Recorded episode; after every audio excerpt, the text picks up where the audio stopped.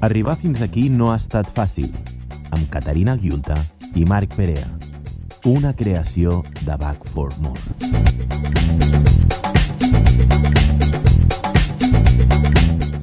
Normalment tendim a pensar que totes les persones exitoses no han tingut més que sort a la vida, o que ho han tingut fàcil, ja que el focus es sol centrar en l'èxit, no en la llarga i dura lluita per arribar-hi. I la veritat és que tothom ha fracassat. Tothom ha fracassat miserablement en algun moment.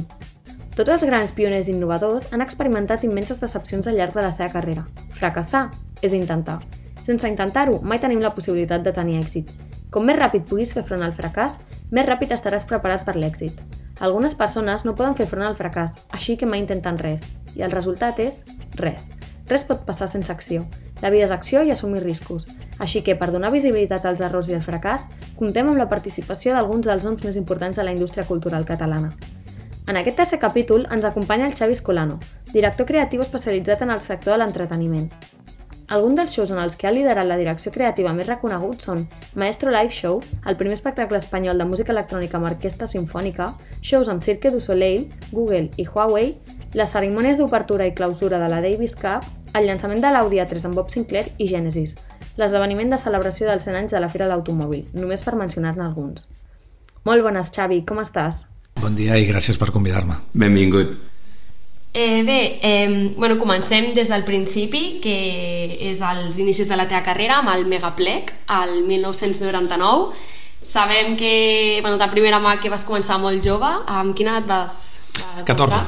Amb 14. 14, 14. Eh, el meu primer esdeveniment no va ser un megaplec. El meu primer esdeveniment... Quasi il·legal. Era, era pràcticament il·legal. El meu, el meu primer esdeveniment eh, va ser muntar una boda. Una boda. Sí, amb 14 anys. Si vas començar amb la BBC.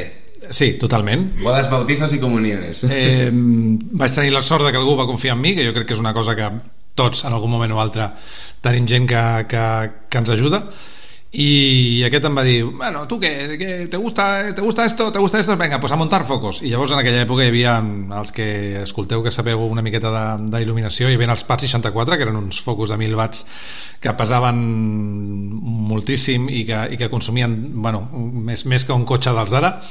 I, i elèctric em refereixo i... Eren sostenibles. No, no, zero, zero, zero. En, en cap cas eren sostenibles. Llavors em muntaves, em muntaves sis per cada banda i tal i d'això i, i, i el primer que vaig muntar va ser una boda Sí que és veritat que el meu primer festival el vaig muntar amb 17 anys, que va ser el primer aniversari del que més trenca, al Palau Olímpic de la Vall d'Hebron.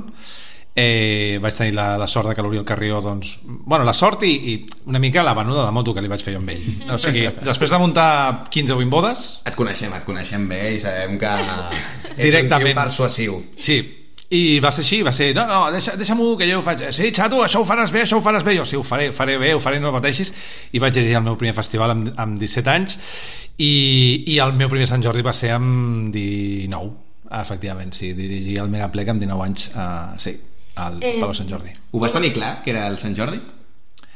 Sempre, des de l'inici, Uh, des de l'inici això del Megaplec eh, és una cosa que el test d'alguna manera es fa amb l'aniversari del que més trenca que era un programa de ràdio que es feia a Flash FM i és, i d'alguna manera és el primer festival indoor que hi ha de música electrònica a, a Barcelona eh, independentment de, de, del que és el Sonar que, que era un altre format eh, en aquell moment perquè això t'estic parlant de l'any 90, 95 i el Sonar és del 92 eh, el Sonar en aquell moment era més una exposició d'art amb música i eh, una sèrie de happenings musicals que no pas una altra cosa val? Era un col·lectiu de fet, no era ben bé el que, era, el que és avui, és un monstre no? Uh, i en aquell moment festival indoor diguéssim d'escenari, música electrònica DJ, uh, 5.000 persones la primera vegada al festival del que més trenca sí, efectivament I tenint en compte que es podria considerar un festival pioner, no? Uh, per què creus que va fracassar uh, aquest festival, el Megaplec? el Megaplec aviam uh, Més que fracassar. No, no, fracassar no, perquè no, no, no. va tenir continuïtat Sí. no? en el temps, perquè, ostres, ara podria ser perfectament un, de, un referent en els festivals de música electrònica Podria ser un sonar. com és el Time Warp. Mm, primer de tot és que el Megaplec estava estava vinculat a una ràdio, una emissora de ràdio d'acord? Cap dels festivals que heu esmentat ara mateix estava vinculada a una ràdio era com un cicle anual de celebració que primer s'havia de dir eh, aniversari de Flash FM lo de l'aniversari de Flash FM va quedar descartat per un tema de comunicació i va ser el propi Miquel Calçada el que va dir uh, no, farem, es dirà Megaplec a plec, com a plec sardanístic però Megaplec i a partir d'aquí uh, doncs, doncs es, va dir, es va dir Megaplec què va passar? doncs que eh, sabeu que la música és cíclica eh, i en aquest cas els macrofestivals eh, iniciats una miqueta per nosaltres o sigui, hi ha, hi ha diferents tipus de macrofestival hi ha el macrofestival com era aquest que era un format de un sol room amb un escenari de jockeys i hi ha el format multiroom de diversos dies i de més. Això era un dia one shot, no? Nosaltres encara a dia d'avui tenim el rècord d'assistència del Palau Sant Jordi amb, amb 30.000 persones en rotació en un sol dia amb aquest festival. Seria impossible ara. A, avui dia a nivell de foraments i a nivell legal seria no, o sigui, no, no, és impossible perquè està tot molt més regulat que en aquella època però jo crec que va ser un cicle senzillament va ser un cicle, va, va acabar perquè eh, el format d'un sol festival indoor d'aquesta manera a Catalunya eh, doncs bueno, nosaltres tampoc vam saber en aquell moment eh, portar-ho més enllà també, jo crec que també hi ha un tema d'incompetència, no d'incompetència sinó senzillament de, de no saber ben bé com, com portar aquest model una mica més enllà i com es gestiona a nivell professional quan ets el director creatiu, crees un producte que funciona tan bé com va ser el Megaplec i després per raons de negoci, per raons comunicatives, per raons del que sigui, eh, hosti, es, es, es paralitza o, o es deixa anar. Com, com, com gestiones aquesta, aquest abandonament? Que al final no ve de part de creativa, sinó que ve de part de negoci. Tu com a director creatiu, quina és la teva posició? Com enfoques aquests, Mira, abans, abans de director creatiu sóc persona.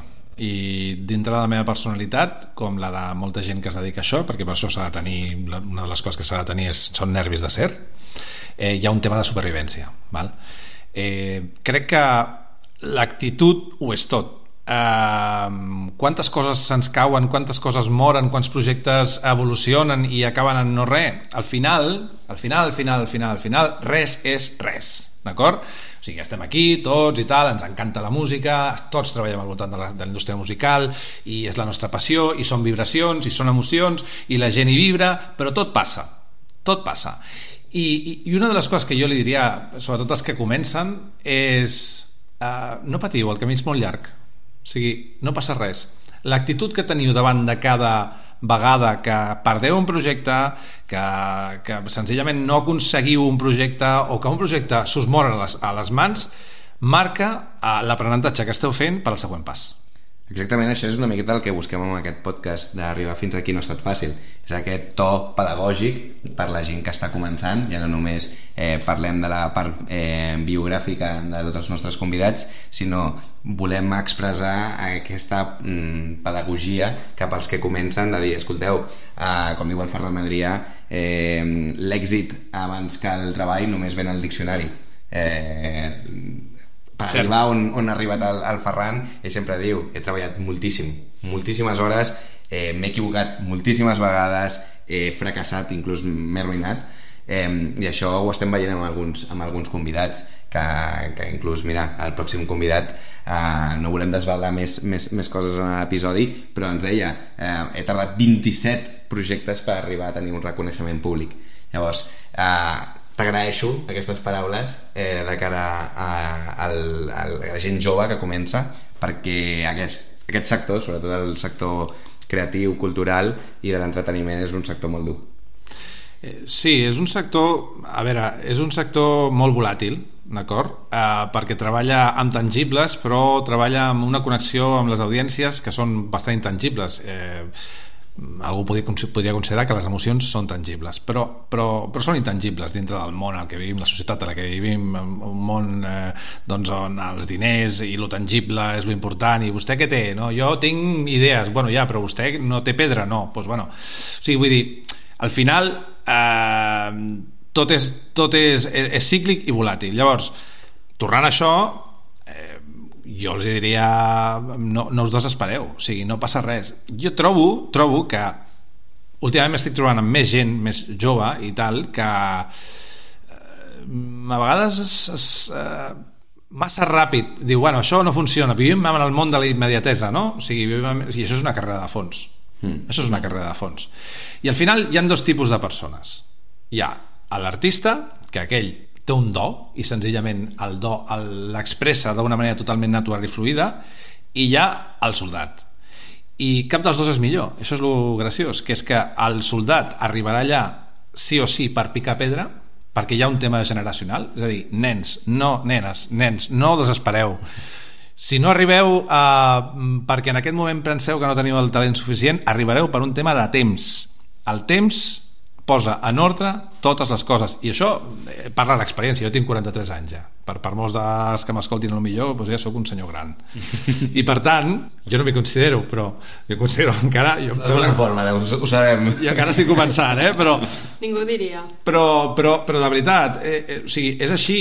Mm, el temps al final posa a persones que no diries mai en un moment determinat diries, diries però com pot ser que aquest tio hagi arribat fins aquí si jo pensava que no tenia tant de talent, no, és que el seu talent és picar pedra, el seu talent és estar allà, el seu talent és ser persistent, el seu talent és ser supervivent, és davant de qualsevol adversitat dir, vale, molt bé, molt bé, ara em retiro un momentet, carrego les piles i torno a la càrrega. La gota malaya, no? Exacte. El Això funciona, constant. funciona igual que el supergeni que dius, però com pot ser? O sigui, aquest tio és una passada, no? Pues, bueno, pues aquest tio arribarà igual de lluny, si vol, que el tio que acaba picant pedra. Perquè parlant de talent, eh, bueno, traurem aquí una mica de, dels arxius del passat. Sabem que vas començar també una carrera com a DJ i productor. Sí. Um, tu et vas començar a fer un nom dins de l'escena, inclús vas arribar a tenir una residència al Ministry of Sound. Sí. Per què vas decidir abandonar aquesta faceta com a productor si realment, ostres, tot apuntava a que anaves cap a dalt? Vull dir, com és que vas fer um, aquest canvi de, de volant? Val, Deixeu-me que us expliqui a tots vosaltres, a tots que sentiu ara mateix, una història sobre inseguretat i complex d'inferioritat, d'acord? Aquí hi ha... Hi ha eh, són, són dues coses diferents, eh? Tots tenim inseguretats, d'acord? És perfectament normal, no? És que no sé si faré això, no sé si faré allò, no sé si faré l'altre. Jo vaig tenir doncs, una, una infància en la que no vaig tenir gaire seguretat, fins a arribar al punt en el que tenia una carència d'amor. I vaig fer-me disjockey d'alguna manera per suplir aquesta carència d'amor que tenia a, eh, de la infància d'acord? O sigui, i jo ara ho puc, ho puc reconèixer tranquil·lament no? aquesta, el, el fet de, de, de, de posar-me davant de molta gent i que aquesta gent m'admirés i tal, perquè punxava discos i perquè jo portava el ritme de la sessió i perquè tot això doncs m'omplia en aquell moment i quan em vaig adonar d'això vaig dir, però si jo no sóc això si a mi el que m'agrada és estar darrere i sempre en paral·lel, encara que vaig tenir la meva carrera com a DJ, sempre en paral·lel hi havia per la ràdio, per un tema de passió, però hi havia el tema de muntar esdeveniments. És a dir, per exemple, quan vaig entrar amb 18 anys acabats de fer a, a, a Flash, eh, l'encàrrec que em va fer el propietari va ser, va ser Wickham Montage al Departament d'Accions Especials. Val? Ell ja veia en mi que jo tenia aquest talent i, i ho vaig muntar. Llavors, en paral·lel sempre sempre he estat al darrere. El que passa és que la part d'estar al davant m'ha servit també per poder entendre ara els que tinc al davant en les coses que faig eh, poder tenir aquesta empatia de dir, vale, entenc el teu orgull d'artista perquè no hi ha cap artista que no tingui orgull és impossible, vull dir, perquè és intrínsec de l'obra mateixa, és a dir és la meva expressió, la meva visió de sigui la que sigui la disciplina la que toca representada. I per tant entenc els artistes des del, des del punt de vista de, i sé tractar amb ells vull dir, vosaltres ho sabeu perfectament hi ha artistes molt, molt difícils és una cosa molt difícil.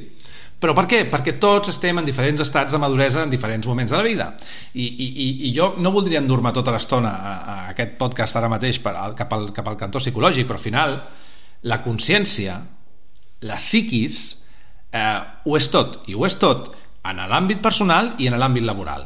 I si ets artista encara més perquè lluitar contra les teves pors, que els artistes en tenen moltes, eh, encara que no ho reconeguin públicament, lluitar contra les teves pors amb una indústria que el que requereix són diners i, com, o sigui, i, i intentar compactar o, o, fer, o, fer, o, o entendre totes aquestes coses de cop és molt difícil i es necessiten anys d'experiència. Sí, sí. L'altre dia eh, jo escoltava un altre podcast que segueixo molt, que es diu Simpatia per la indústria musical, que el primer convidat va ser José María Cámara, i deia ah, de un artista solo puedes esperar talento i trabajo no esperis res més. Clar, i venia des de la part de negoci i, i deia que era molt difícil entendre a vegades i posar-se en la posició dels, dels artistes eh, sent tu un productor executiu o un director creatiu que els exigeixes, els exigeixes i els exigeixes i que després, ostres, mm, a vegades no estan a l'altura o a vegades perquè per condicions, ostres, no és el moment i, i deia, només pots esperar d'un artista talent i, i, i, i, i, generositat i treball. Però no, no esperis mai eh, ni bones paraules ni esperis una gran feina. És a dir, mm, les coses venen quan venen i toquen quan toquen. Sí, uh, me'n recordo una vegada uh, a, a, algun, a un creatiu que admiro moltíssim li vaig preguntar, bueno, però és que jo, per exemple, no, quan, quan, quan em poso davant d'un full en blanc i he de crear una cosa i de més i tal, a vegades tinc moments de bloqueig i no sé què, i, i ella va contestar es que solo hay una manera, Xavi, sentarte y hacerlo. Y no sale, no pasa nada, saldrá. Mm. Y no, sigue sin salir, saldrá. Y si no, pues bueno, te das una vuelta, te no sé qué, te tal, te emborrachas, haz lo que quieras, pero luego vuelves, te sientas y lo haces. I tant. Siéntate y hazlo. És, és una mica Yoda el tema, no? Mm, perquè entenem que tu, al ser director creatiu de Flash, te sentes molt davant del paper i et toca pensar, no? Perquè arrel d'això has tret tots els projectes, com els que hem mencionat anteriorment quan estàvem presentant, que no són pocs. Però eh, ens agradaria saber quin és aquell projecte com espineta, no?, que li diríem, aquell projecte que sempre t'hagués agradat tirar endavant, però no has pogut perquè no ha acabat de funcionar o perquè no s'han donat les, la situació. O que encara no has fet. O que encara no has fet, exacte. Aviam, eh, hi ha un projecte de fa molts, molts anys eh, en el que era molt difícil que quallessin diferents, diferents parts per poder-lo fer, que era un festival a, al sud d'Espanya, eh, concretament a la zona de Cádiz, en, en una zona pràcticament salvatge.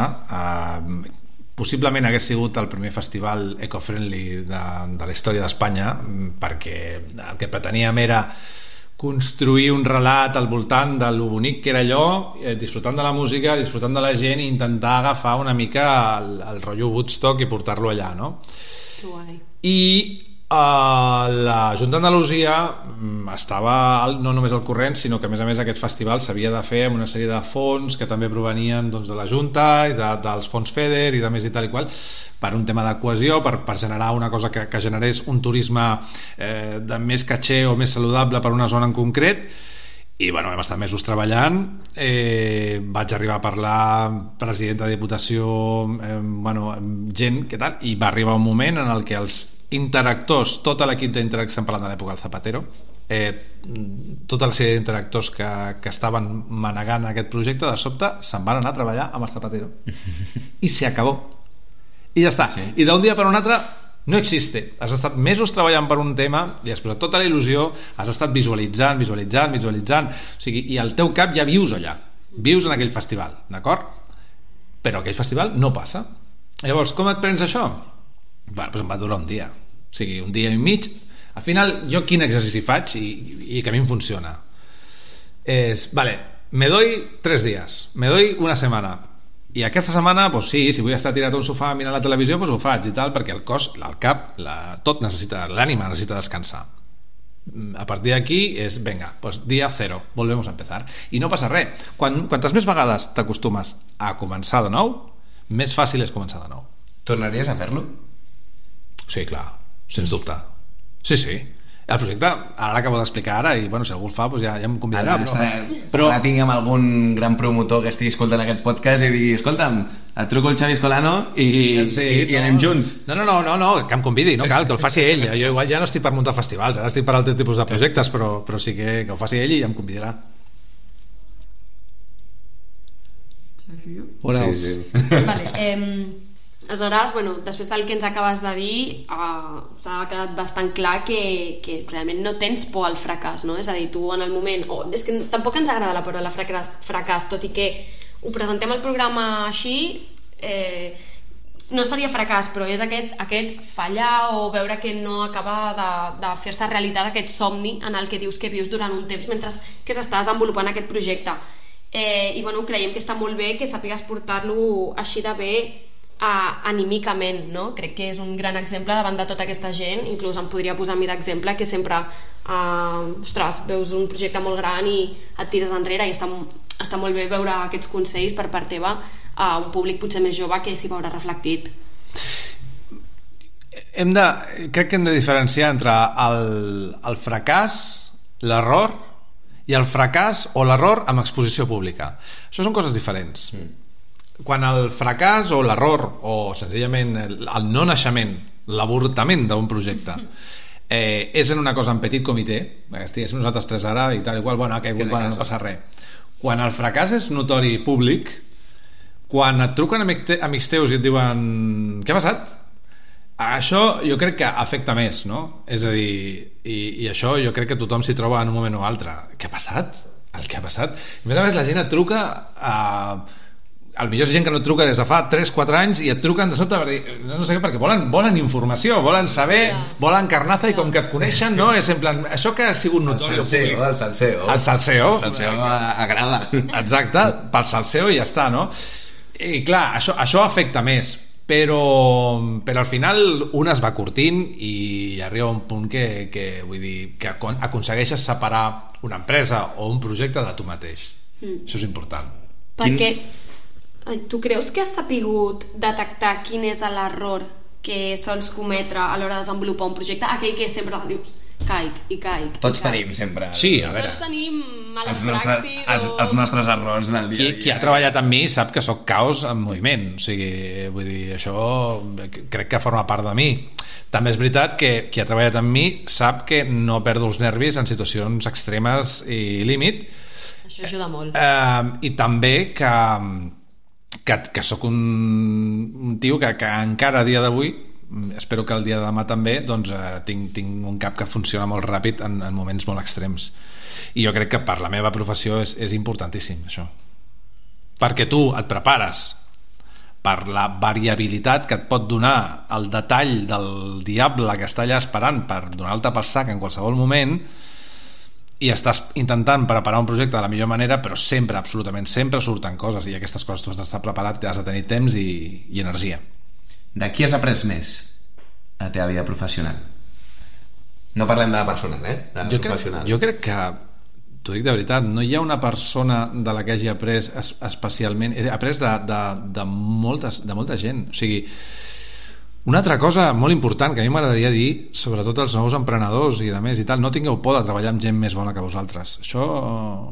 Bueno, al final diuen que és la base de l'èxit, rodejar-te dels millors. Tu, sí, però a vegades no és que estiguis tu rodejat, sinó que tu estàs rodejant un dels millors. A vegades és, és que senzillament tens por de que algú se't mengi la teva parcel·leta eh? el por de la, par la por de la parcel·leta això de, ai, i ara què? Tal qual, això et va enquistant en una actitud que no construeix absolutament res eh, com que el temps passa, i això ho parlàvem al començament, el temps passa i tu ja no tu ja t'oblidaràs ja després de si eh, ell aquell dia va ser millor que tu o no, mm. perquè tu has eh, mamat d'una font en un moment determinat que aquella font et servirà després per a tots els teus projectes i, i quina era la pregunta, perdona? No, de si tenies algun referent, referent. en el que haguessis après eh, coses mira, a nivell professional. Mira, la, la gent del Cirque du Soleil, eh, per una banda, eh, una empresa que, que ara està en mans d'un fons d'inversió, però que es diu ID&T, eh, per mi va ser una inspiració, vaig tenir l'oportunitat de treballar amb ells a Amsterdam també, i Ministry mm, ha sigut una escola uh, perquè la manera que tenen els anglesos i Ministry, parlo de Ministry barra Defected barra... Eh?